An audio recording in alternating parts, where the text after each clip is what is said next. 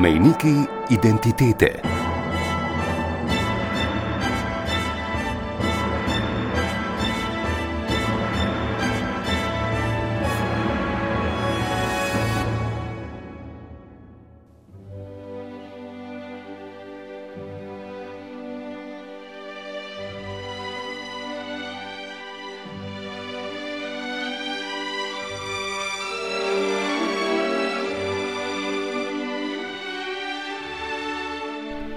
Pogledu na bele, premikajoče se kupčke sredi trat in pašnih bregov, le redki lahko ostanejo ravnodušni.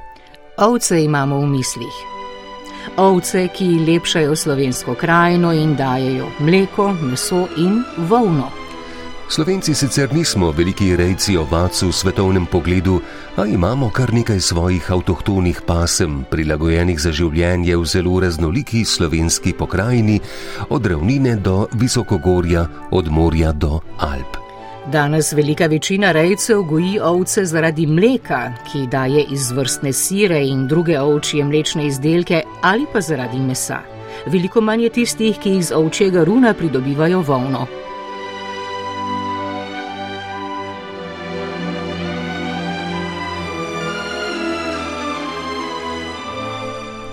Volna spremlja človeka že tisoče let, ga oblači, greje in tudi hladi. Je edino naravno vlakno in obnovljivo, saj kot runo nenehno raste ovcam, kozam in vsej drobnici sploh, jih ščiti in jim uravnava telesno temperaturo v vseh vremenskih razmerah, na vseh klimatskih območjih in vseh celinah. Enako vlogo ima volna za človeka.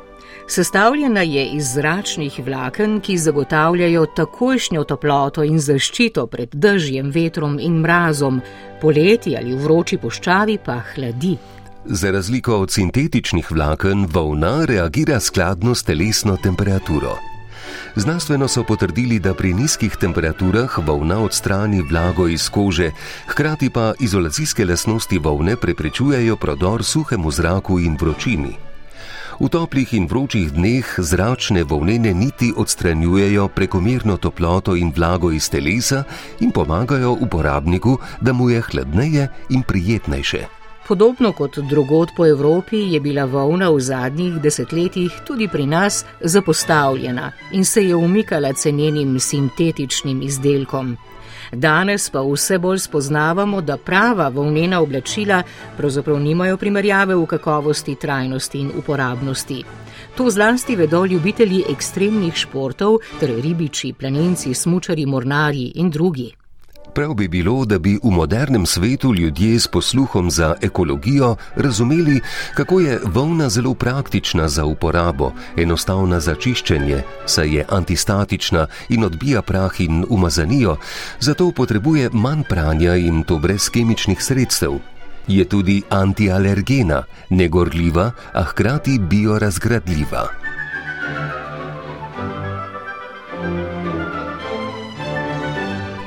Volna je tudi del naše slovenske identitete.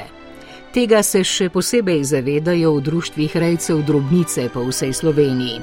Zlasti prizadevno se trudijo ohranjati veščine priprave volne in izdelave volnenih izdelkov v rokodelski sekciji Društva rejcev drobnice Idrija Cirkno pod vodstvom inženirke strojništva Alenke Rupnik. V njeni delavnici priprave volne in tkanja je nastal marsikateri volneni izdelek, ki je našel pot v slovenske domove. Mnogo tradicionalnih volnenih izdelkov, kakršne poznamo v zadnjih stoletjih, a tudi novih in inovativnih, ki so prilagojeni današnjemu človeku, so vključili v razstavo Poklon volni, ki je na ogled v Idrijskem muzeju. Avtorica razstave je Tina Zadnik, ki jo je delo z volno močno prevzelo, čeprav je po poklicu japonologinja, sinologinja. Kar pomeni, da sem študirala japonščino, kitajščino. Me seveda odnegdaj zanima kultura, so me pa zelo zaznamovala tudi uh, ročna dela. Ne, to je tisto, v bistvu, kar mene povezuje z mojo družino, še najbolj z, z družinskimi članicami, se pravi moja sestra, moja mama. Sicer ne tkejo, ampak kvačka, so kvačkale, pletle, šivale in tako naprej. Jaz sem tukaj zdaj v Idri dobre dve leti pa pol. In sicer sem delala nekaj časa kot kusisinja v Mestnem muzeju Idrija, zdaj sem pač samostojna zunanja sodelovka in ko sem pač um, se seznanjala tukaj z različnimi temami, sem seveda naletela na delavnico tkanja, Alenkino delavnico tkanja. In sem se tudi odeležila te delavnice tkanja in takrat sem v bistvu ugotovila, kako mi neko stvar, kot je recimo neka tkanina, v bistvu zelo samoumevno jemljemo, hkrati pa sem širše tudi opazila, ker imam tudi stik z ostalimi, ki se ukvarjajo različnimi ročnimi deli. Sem širše opazila, da ljudje enostavno ne razumejo več, zakaj ima nek rokodelski izdelek drugačno ceno. Kaj pomeni uh, kvaliteten material, kaj pomeni ročno delo, je v bistvu globalno gledano, precej manj um, ljudi razume, zakaj je ne vem, neki izdelek, neki, ne, neke nogavice, ki so narejene iz domače volne, recimo 40 evrov, in zakaj lahko v nekem supermarketu kupaš uh, nogavice za 5 evrov. In se mi je zdelo, da v bistvu to vprašanje združuje eno kopico različne problematike. Se pravi, od uh, poznavanja materijalov, rokodelstva, zakaj uporabljati lokalne materijale, zakaj, oživlja, zakaj se truditi za oživljanje uh, veščin, kot so recimo tkanje, zakaj je to pomembno. Poleg tega Idrija je znana po idrijski čipki, pomembna nesnovna dediščina, spada tudi pod UNESCO. Ampak hkrati, ko sem se seznanjala uh, z Lenko s tkanjem in ko sem potem dejansko se tudi učlanila v društvo rejcev uh, drobnice Idrija Cirkno in spoznala tudi ostala dekleta, ki se ukvarjajo na tak in drugačen način z volno, sem v bistvu ugotovila, da je tukaj ena velika pa zelo pridna uh, skupina ljudi, ki se trudijo za lokalni izdelek in to zelo dobro. Ne. Volna je najstarejši tekstilni material in danes ima uporabno vrednost, kot je imela nekoč, oziroma še celo več ste z njo omenili, ker uporabljamo še druge. Ja, veste, volna in v bistvu ovco sploh povezava na zahodno kulturo. Pa zanimivo nekaj, ne? ovca, ki nudi um, volno in s tem neko oblačilo, tkanino za človeka, ampak pri tem ostane živa. Tudi to je nekaj. Um, Zanimivo je. Pa treba pri nas povedati, da uh, za razliko recimo Avstralije, ne, se pri nas ni toliko fokusirali na volno. Ne, tudi manjši kmetje, ko so imeli ovce, a ne so jih sploh na tem koncu, so jih večinoma imeli sočasno z drugo živino. Ja, ni bilo samo za Tako. volno ampak tudi za meso in mleko. Tako, je pa treba povdariti, da so uporabljali tudi volno, se pravi, tista volna za nogavice, za, ne, je, je tudi to bilo pomembno. Ta, ne, če gremo mi zdaj še širše gledati, ne, ovca kot žrtveno jagnje. In tako naprej. Uh, se pravi, že od Grko, pa potem, kako se je to v krščanski tradiciji. Ne, to je zelo, ne samo volna, ne, tudi ta nedolžnost, eh, ta, potem čez čas sploh s krščanstvom, ki je postal simbol. Ne, tudi... Pa ste ugotovili, zakaj žrtveno jagnje je ravno? Zakaj glih ovca? Zdaj, če, gremo, če gremo nazaj, se pravi v zgodovino, tukaj predvsem izraelska ne, kultura in tako naprej. Ampak eh, tudi, ko sem se pogovarjala z rejci, ne, so rekli, a veš, a veš Tina, um, ovca ko se jo zakolje, ne, v bistvu je, je čisto tiha, ne, je čisto krotka, ne upije. Tako da ne vem, mogoče tudi, ta, tudi to krotkost, to nedolžnost, prikupnost je mogoče tudi imel kakšen vpliv, ne, da so si zbrali ravno ovco in ne kakšno drugo žival, ne, za tisto žrtveno jagnje. Ne.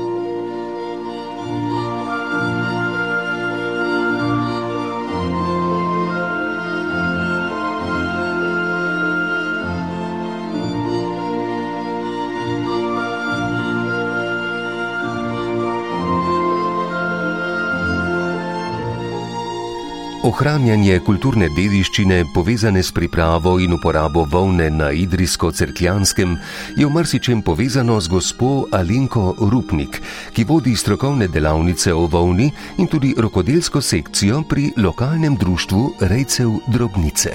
Po poklicu sem inženir strojništva, upokojenka in sedaj se v prostem času ukvarjam z rokodelstvom, predvsem z tkanjem z ročnim tkanjem na statue. Kako pridemo do volne, oziroma do tkanine, do nekaj, kar je potem končni produkt? Volno pridobivamo pri nas največ od ovc. Seveda obstajajo različne tipi volne, poleg ovče tudi drugi, vendar je na slovenskem najbolj znana ovčja volna. Mislite, alpaka in tako naprej. Alpaka in tako naprej. Poznamo volno od kos, od e, zajcev in tako naprej. Volno je potrebno ostriči. Praviloma se ovce strižejo dvakrat letno, v spomladanskem in v jesenskem času. Rokodelke ob strižbi pridemo k ovčerejcu, tam volno ob strižbi odberemo, se pravi, da preberemo volno, že tam izločimo neuporabne dele, ovče haruna, potem izločimo, kolikor se pač, seveda, že tam da senene drobir in senene ostanke. Se pravi, tukaj so kot neke smeti v volni. Mene preseneča to, da ni vsa volna, da ni vse runo, kot pravite, uporabno. Zakaj ne? Ovče runo je sestavljeno iz, pač iz različnih delov, eh, ni po vsem telesu enaka volna, zato se tiste neuporabne dele eh, se jih izloči, ali pa če je preveč senenega drobirja v volni, tudi tista volna se izloči, ker enostavno tisto se ne da izločiti ročno iz volne tudi če se jo opere, če se jo razčesava in tako naprej, tisti seneni drobir je zelo težko odstraniti iz volne. Največkrat se izloči volna po trebuhu, ker je tudi zelo kratka, potem se izloči volna na vratu, čeprav je tista volna eh, ni tako slabe kakovosti, je pa eh, tam veliko senenega drobirja, potem se izloči volna, ki se jo striže po nogah, Pri volni je že v prvi fazi prebiranja nastane kar določen odpadek. Prebral sem, da naše slovenske ovce oziroma avtohtone pasme, ki so tukaj v Sloveniji, ne dajo toliko volne. Prvič ne dajo količinsko toliko volne, drugič tudi ta naša volna sicer ni tako kvalitetna kot je naprimer merino ker so življenjski pogoji ovc, predvsem klimatski pogoji, povsem drugačni v Sloveniji, kot pa nekje v Avstraliji oziroma v Novi Zelandiji ali tako. Ker je tudi paša drugačna kot pri nas. Ne? Tukaj pa nas je predvsem gorska. Ne? Pri nas je predvsem gorska paša. Drugo, kar je, so pa podnebne razmere, se pravi, da je precej bolj vlažno vreme, Pred leti je bil pri nas poskus merinizacije, se pravi, da so križali merino ovce z našimi pasmami, vendar se to ni obneslo, ker je enostavno ta volna pregosta in se nabira preveč vlage in enostavno volna zaplesni že na sami ovci. Moramo biti zadovoljni z tisto volno, ki jo naše ovce imajo, veliko se da na kvaliteti volne narediti tudi z sistemsko selekcijo, se pravi, da se ovce kontrolira tudi na kakovost ovne in se tem, potem to selekcionira. Pri nas rejci v glavnem večinoma redijo ovce jezersko-sovčavske pasme, oplemenitene jezersko-sovčavske pasme, to so mesne pasme, Drugi tip eh, so tudi slovenske avtohtone, poleg tega redijo tudi bovško ovco, to je mlečna ali pa oplemeniteno bovško ovco. To so, nek, bi rekla, pri nas najbolj pogosto, eh, najbolj pogosto zasledimo te pasme ovc. Prej sem bil presenečen, ko ste omenili, da greste k rejcom. Rejci ne obdelujejo naprej volne. Rejec Naši rejci redijo ovce predvsem za mleko in meso. In volna je pri nas zaenkrat žal stranski produkt ovčereje. Zato rokodelke gremo odbirati volno k ovčerejcem. To smo združeni v Društvu rejcev Dronice Idrija Cerkno. V okviru tega je tudi naša rokodelska sekcija. Mi volno tam odberemo, na to jo spravimo v papirnate vreče ali v neke zračne vreče in potem jo vsaka rokodelka vzame naprej v svojo obdelavo. Surova ovčja volna je umazana, ker ovce pač živijo v klevu po zimi, poleti se pasejo. Poleg tega se na runu nabere polno tudi ovčjega blata in urina, in vse to je treba iz volne izločiti, volno je potrebno oprati, in šele na to lahko potem jo naprej obdelujemo. Kako perete ovčjo volno? Ovčjo volno žal roč peremo ročno v vodi. E, žal zato, ker v Sloveniji ni ponudnika, ki bi izvajal pranje ovčje volne. Večji predelovalec ovčje volne zbira volno in jo e, vozi v tujino prati. Naš namen je pa, da mi volno tudi med ob samo obdelavo imamo nekako saržno vodeno, se pravi, da zagotavljamo, da je sledljivost volne od rejca do same klopke oziroma lahko celo do izdelka. In žal ni v Sloveniji nekoga, ki bi to volno nekako opravil drugače kot ročno. Zato jo rokodelke, vsaka rokodelka, ki se odloči za to, jo ročno opere v vodi. Kako jo operete, zdaj mi pa kar opišete tehnološki postopek. Potem, ko jo imamo v vrečah, ki smo jo prinesli od rejca, jo še najprej malo, še zmeraj, še enkrat odberemo, sortiramo, potem jo damo močiti v navadne plastične škafe kjer se na, v prvi fazi moči nekako nekaj dni, da se odmoči urin in blato iz volne, na to pa to volno narahlo stisnemo ročno, da se čim več umazane vode izloči, jo eh, damo na neko sito ali na neko mrežo, da se malce odsedi, na to pa jo damo v naslednji škaf ali vedro z čisto vodo. Tudi v tem primeru je to stoječa voda. To je stoječa voda, najbolje je deževnica, je pa težko naloviti toliko deževnice.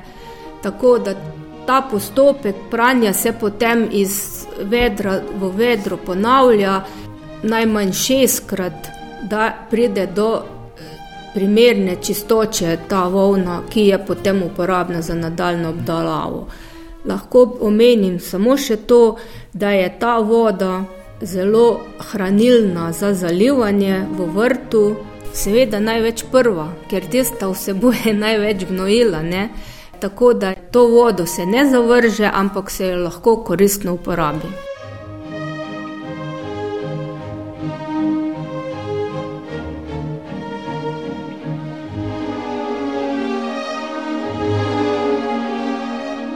lanolin, ki je sestavni del ovčjega vlakna oziroma ovoj ovčjega vlakna, naj bi varoval volno tudi pred škodljivci oziroma paraziti. Zato praviloma največkrat, recimo, če bi bila neka volna zelo umazana oziroma bila, bil, da bi bila velika prisotnost parazitov, se to, eh, to volno izloči že ob sami odbiri. Sicer jaz osebno še nisem naletela na tak primer, tako da glavni eh, vidik pranja je predvsem odstranitev blata in urina in pa teh eh, smeti, sena ali pa poleti trave. Mi smo se odločili, da bomo oprale volno po naravnem postopku, se pravi brez kemičnih snovi, tako da je ta volna res čisto pristna, oprana samo v vodi.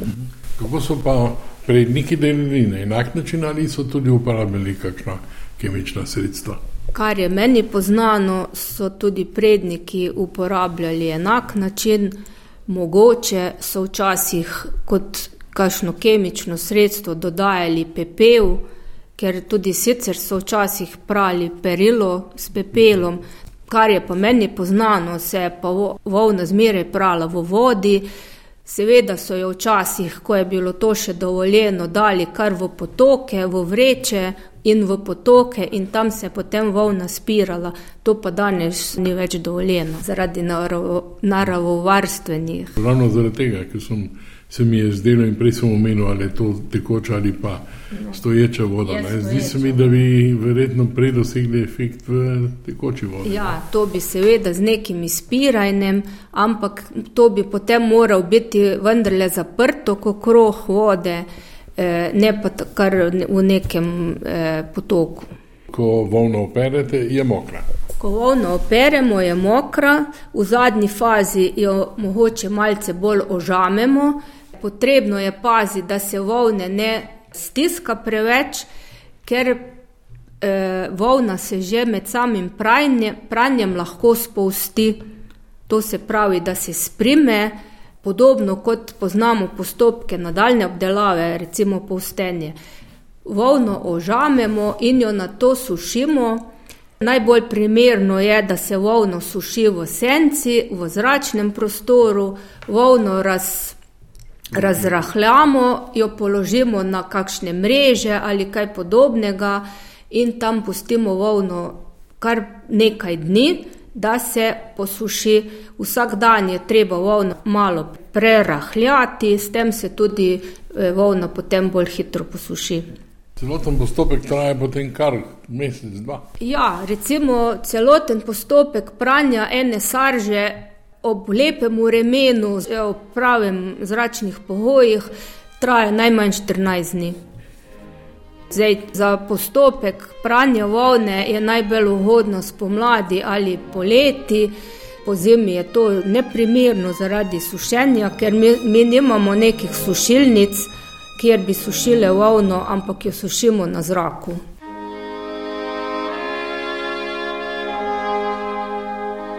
suho volno na to spravimo v vreče, potem pa je naslednji postopek rahljanje volne oziroma razčesavanje. Včasih je bil to izraz gredešanje, s tem z gredešanjem se volna nekako razcufa, zato da tisti kosmi se postanejo bolj rahli. Potem je pa naslednji postopek obdelave pomikanje, ker z umikanjem pa volnena vlakna usmerjamo v isto smer.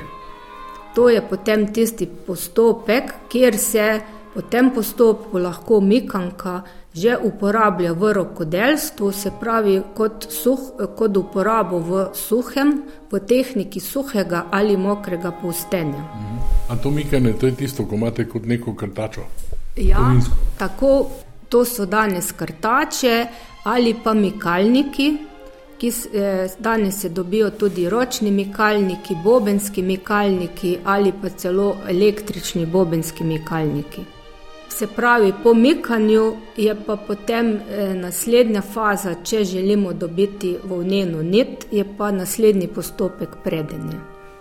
Prede se lahko ročno, na kolovratu, prede se lahko tudi strojno, pač odvisno za kakšen namen volno tudi potem uporabljamo. Prede se eno nit, potem je potrebno spresti, več, posukati več niti skupaj, zato da volna dobi trdnost. Odvisno od željene debeline volne lahko predemo dve niti, tri oziroma posukamo dve, tri ali celo štiri niti skupaj in potem dobimo volneno prejo. Ampak tu ne gre sočasno. Tako je. Najprej na eh, kolovratu predemo eno nit, na to pa najmanj dve niti sukamo. Ko predemo, predemo v en, sukamo v eno smer, nit, potem pa dve niti skupaj posukamo v nasprotno nit, v nasprotno smer, zato da se izenači to vrtenje, da se eh, nit ne krtiči. S tem pa dobimo, ko posukamo več niti skupaj, dobimo pa e, trdnost pri volni, ker ena sama nit nima dovolj trdnosti in taka nit potem ni uporabna za vse rokodelske tehnike. Od tukaj naprej so pa štrene. Potem so pa štrene, ja, volno, ki jo spredemo na kolut, potem je potrebno eh, volno naviti v štrene, potem se jo lahko še enkrat malce opere in potem jo pač lahko že uporabljamo. Jaz se spominjam svoje tete, ko je predla in smo mi morali držati to volno. To je bilo potem navijanje štre, iz štrene v klopko. Ampak to je zapletenje, ne? Ja, e, rokodelske tehnike za uporabo volne je danes veliko. Najbolj poznana je seveda vsakdo, ko vidi volno, takoj pomisli na pletene nogavice, ker to je bilo pač tudi včasih najbolj uporabno. Poleg pletenja je volna uporabna tudi pri kvačkanju, pri tkanju, pri izdelavi tepihov.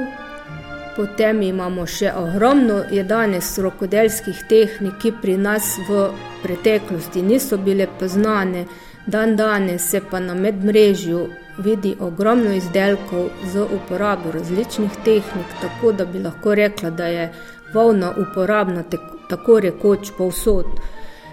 Poznano je tudi izdelavo makramejev z volne, to je podnaša vozlanje in še polno, polno takih tehnik je rokodelskih.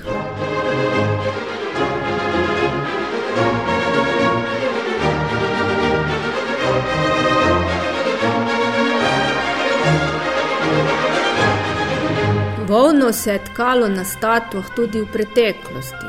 Sukno, vsakdo pozna besedo sukno. Sukno je, eh, se je izdelovalo iz volnenih niti s tkanjem na statue, na to se je to eh, volneno tkanino so, eh, nosili v valjance, kjer se je volno, volneno tkanje polivalo z vročo vodo in eh, valjalo.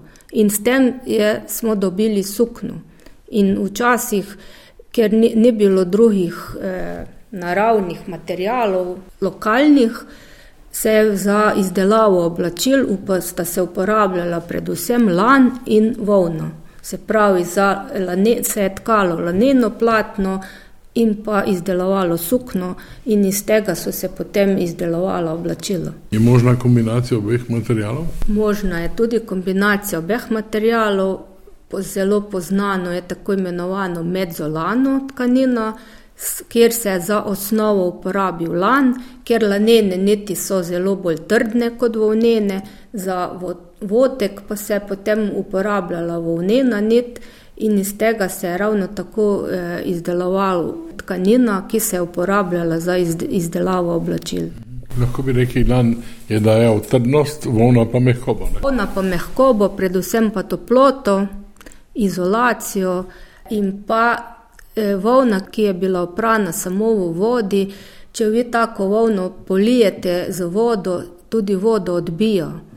Tako da recimo se tudi tisti plašči, ki so bili včasih izdelani iz naravne volne, niso tako hitro upili vode.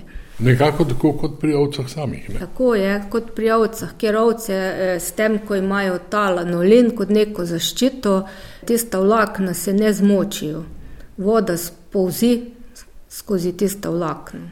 Pravijo, da volna sama ima tudi terapevtski učinek. Mnogo je terapevtskih učinkov volne. Eden izmed takih je, recimo, zelo terapevtska, je že samo obdelava volne.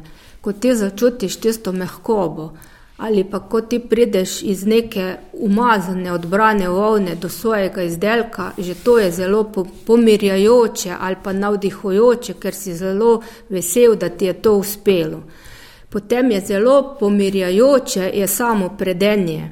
To je enakomirno, tiho. Res, to je zelo pomirjajoče. Včasih je bilo to eh, zelo težavno delo, ker je bilo pač za pridobivanje niti, ki so se uporabljale za izdelavo oblačil. Danes je pa predenje samo, lahko bi ga uporabili tudi v terapevtske namene, ker prvič eh, občutek volnenih vlaken mehkoba, drugič je pa to tako enakomirno delo in zelo, res zelo sproščujoče. Malinka, A vi mislite, kaj delate, ali je to kar avtomatsko? Pri samem predenju je to je res za sprostitev. Medtem, ko naprimer pri samem tkanju na statue, je pa treba kar precej misliti, da ne pride do napak v tkanju. Je pa tudi tkanje meni zelo sproščujoče. Sploh, če pride na koncu lep izdelek, izdelek, ki si ga pričakoval in si nad njim navdušen, je to eno veliko zadovoljstvo. Včasih je že kar umetniško delo. Ne? Ja, trudimo se, da nastajajo tudi umetniške dela, predvsem unikatno, ročna dela in mislim, da je to zelo pomembno v današnjem času da se vidi, da se tudi iz slovenske ovče volne da marsikaj narediti. Vrnimo se k volnenim eksponatom v Idrijskem mestnem muzeju. Etnologinja in zgodovinarka, muzejska svetnica Ivana Leskovec je pomagala strokovno umestiti predstavitev dela z runom in volno v čas in prostor. Razstava poklon volni ni samo razstava predmetov vezanih na uh, ovčerejo in rokodelstvo povezano z volno, ampak uh, predstavitev zgodb, ki jih opredmetljajo ti izdelki in predmeti. Uh, Govorimo o zgodbah, o nesnovni dediščini, o ohranjanju nesnovne dediščine in dediščine na splošno, ki ostaja živa zato, ker so med nami ljudje, ki se s tem ukvarjajo. Nosilke, rokodelke so tiste, ki so do tega znanja prišle lahko na zelo tradicionalen način, se pravi z ustnim izročilom, Ehm, na način, da so se tega naučile od svojih babic, eh, mam, ehm, lahko tudi sosed, ali pa kasneje v raznih tečajih in v šoli. In to znanje je tisto, ki je eh, najbolj pomembno. Želimo predstaviti, da se to znanje ohranja na tak ali drugačen način, predvsem pa, da se to znanje razvija. Ta kulturna dediščina, ki jo predstavljamo na razstavi, ni samo rezultat dela iz preteklosti, ampak so to izdelki, ki z sodobnimi rokodelkami pridobivajo sodobno dimenzijo. Ta dediščina živi na način, eh, kot jo ustvarjajo te rokodelke. Mhm. Pa vendarle, ne, nekoliko manj znano, vsaj meni, ni bilo, da je tudi tukaj na crkljanskem in idrskem očereja domača. Ne, ravno tako kot je recimo doma v Bovcu, kjer poznamo celo eh, teleboško pasmo in pa recimo na kamniško-solčavskem. Tudi tukaj je doma. Ja. Koliko staro tradicijo ima? Mhm. Ovčereja je bila um, v tem rotarskem prostoru stalno prisotna. Čeprav ne kot glavna gospodarska kmetijska panoga, ampak kot obrobna, se pravi, poleg govedoreje je bila na teh kmetijah vedno prisotna tudi ovčereja. Še bolj je bila prisotna pri manjših kmetih, pri bajtarjih, tisti, ki so imeli zelo malo zemlje, pa so kljub temu praviloma vedno gojili prešiča, kokoši in ovce ali koze. Te ovce so predstavljale vir prehrane, se pravi meso, mleko. Volna je bila sicer tisti stranski produkt, ampak nujno potreben, recimo, ali pa zelo zaželen kajti iz te volne so potem predvsem pletli v preteklosti. Izdelke, ki so jih uporabljali za svoje vsakdanje življenje, nogavice, eh, jope, kape, eh, brezrokavniki, to, so, to je del um, noše, ki je bil v tem prostoru iz volne stalno prisoten. Tudi tkavci so bili na Idrijskem in Crkljanskem, recimo še v začetku 20. stoletja, ki so tkali tkanino iz eh, volne in lanu, oboje so pridelovali v tem domačem prostoru. In ta tkanina, tako imenovana mežlan, medzolano, eh, je bil zelo priljubljen med predvsem eh, ženskami za taka pražnja eh, oblačila, eh, ki so jih tudi na poseben način barvali.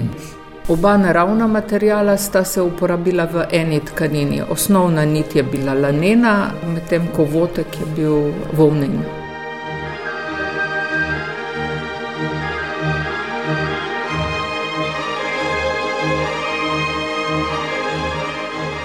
Ovčarstvo je bilo v primerjavi z današnjim časom vsekakor zelo množično. Če pa primerjamo število ovc in kos, ki so jih gojili recimo ob koncu 19. stoletja na Crkljanskem, v primerjavi z Tolminsko in Boško, je pa eh, tudi zanemarljivo, recimo desetkrat manjše kot pri njih.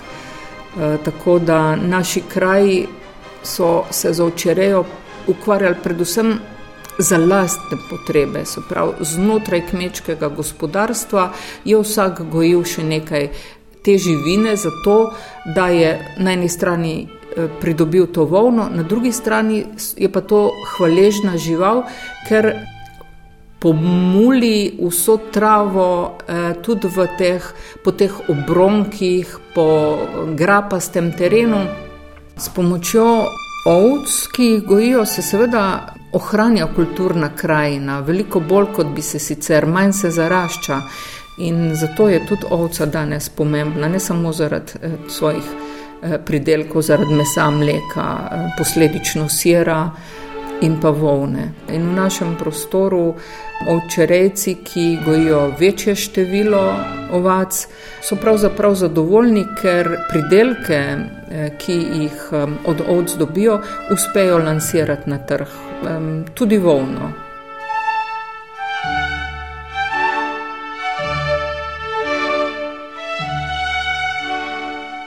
Proučevanje obrti in rokodelstev je eno pomembnih področji, s katerim se ukvarjamo. Preveč stereotipno namreč ljudje idrijsko, predvsem idrijsko, zmeraj povezujejo samo s čipkarstvom. Eh, seveda je to ena najbolj razširjenih še danes umetnostnih obrti. Na tem območju ne smemo pa pozabiti, da so bili naši kraji včasih eh, polni mizarjev, kolarjev, poznamo uh, vojskarske žebljarje, poznamo pintarstvo in sodarstvo iz Črnovrške planote.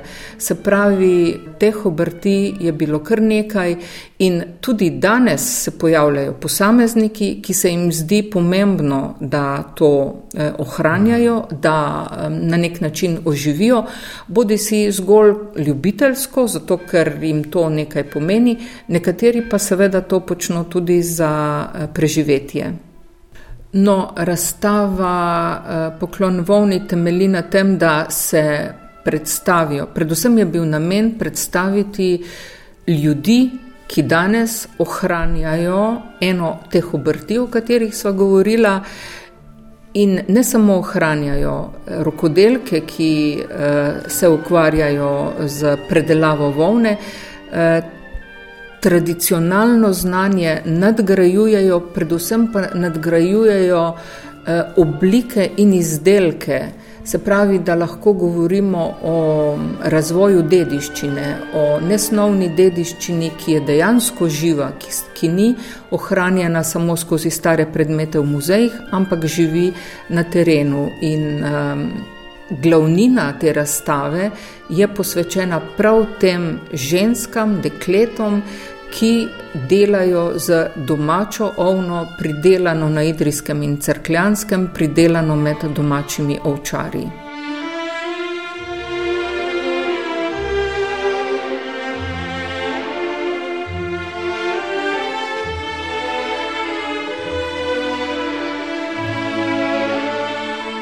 Čisto na začetku smo rekli, da ovce na zeleni trati skoraj nikogar ne pustijo ravnodušnega.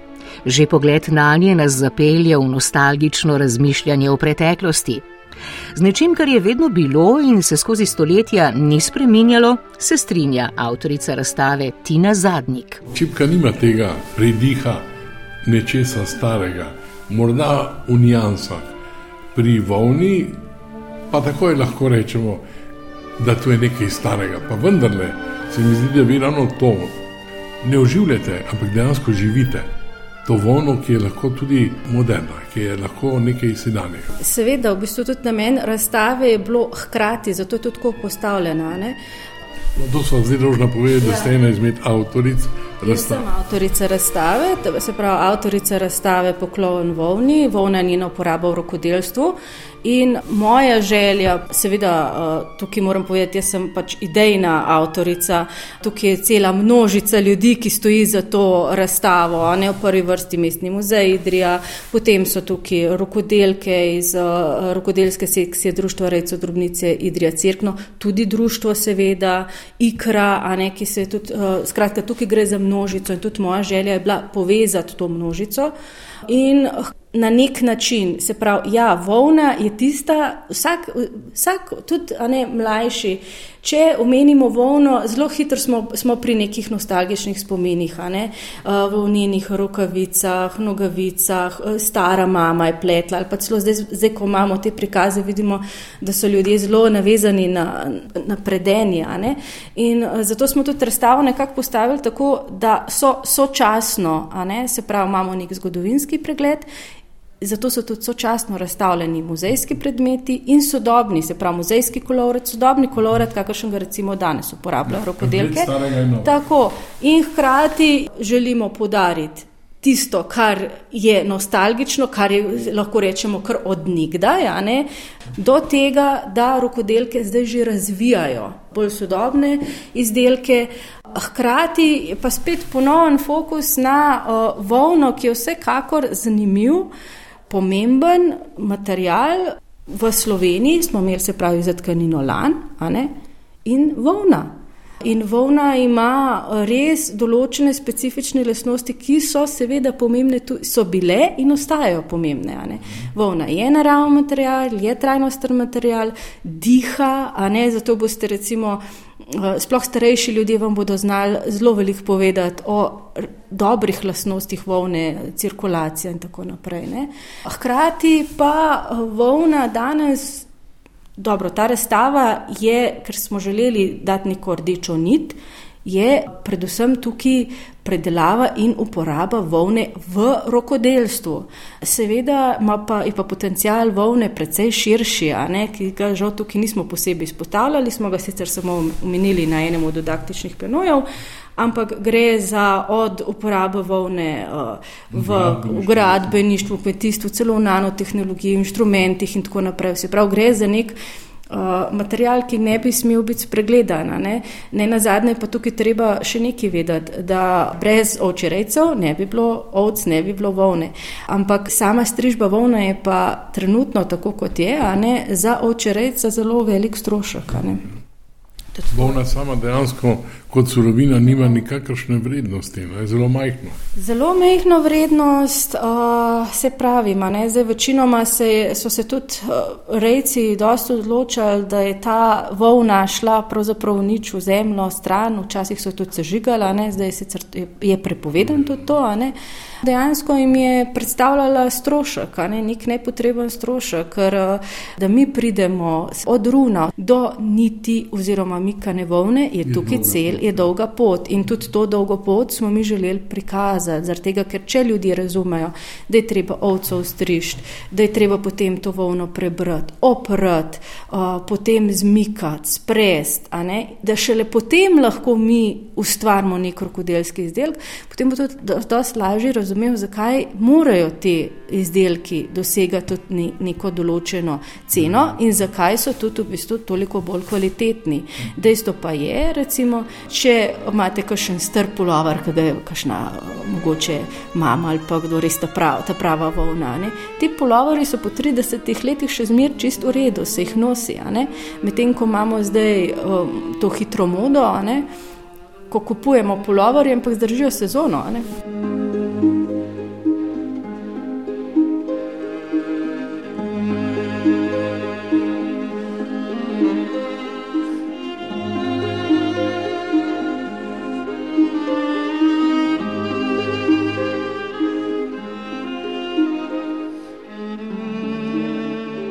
Alenka Rupnik je v delo z volno vložila velik del sebe in svojega časa. Kar počnem, počnem z veseljem, počnem za svojo dušo, za svojo sprostitev, poleg tega pa počnem nekaj, s čimer se mi zdi, da se ohranja dediščina naših prednikov, da se to dediščino prenaša na bodoče rodove in pa da se pokaže da je slovenska volna prav tako uporabna v rokodelstvu, poiskati je treba primerne izdelke in primerne tehnike izdelave.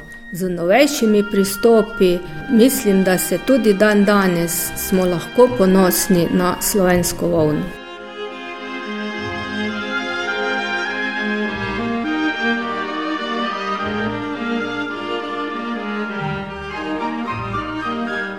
Etnologinja in zgodovinarka, muzejska svetnica Ivana Leskovec. Razstava Poklon Vovni je predvsem poklon ljudem, ki ohranjajo znanje, poklon ženskam, ki so nosilke tradicionalnega znanja in prenašalke tega znanja na mlajše rodove, obenem pa so ustvarjalke, ki eh, bogatijo deli, dediščino in jo delajo uporabno tudi v sodobnem času.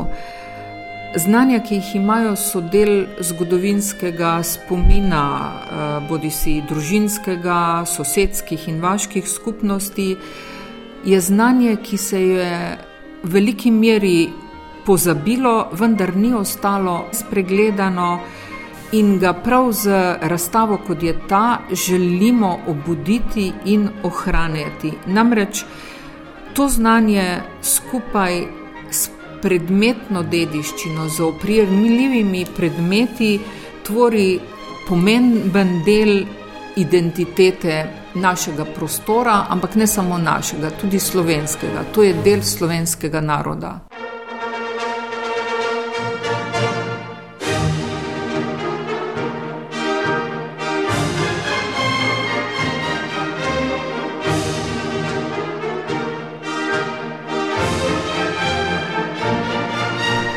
To je bila oddaja Mejniki identitete o dediščini volne na Idrijsko-Crkljanskem in njeni uporabi v sodobnem času, kar so prikazali tudi na razstavi Poklon volni v Idrijskem mestnem muzeju.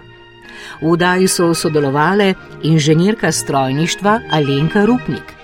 Vodja rokodelske sekcije lokalnega društva Rejcev Drobnice in avtorica razstave o volni Tina Zadnik ter muzejska svetnica, etnologinja in zgodovinarka Ivana Leskovec.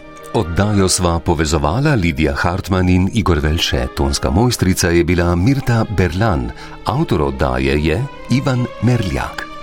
Oddaji lahko spet prisluhnete prek spletnih strani radio televizije.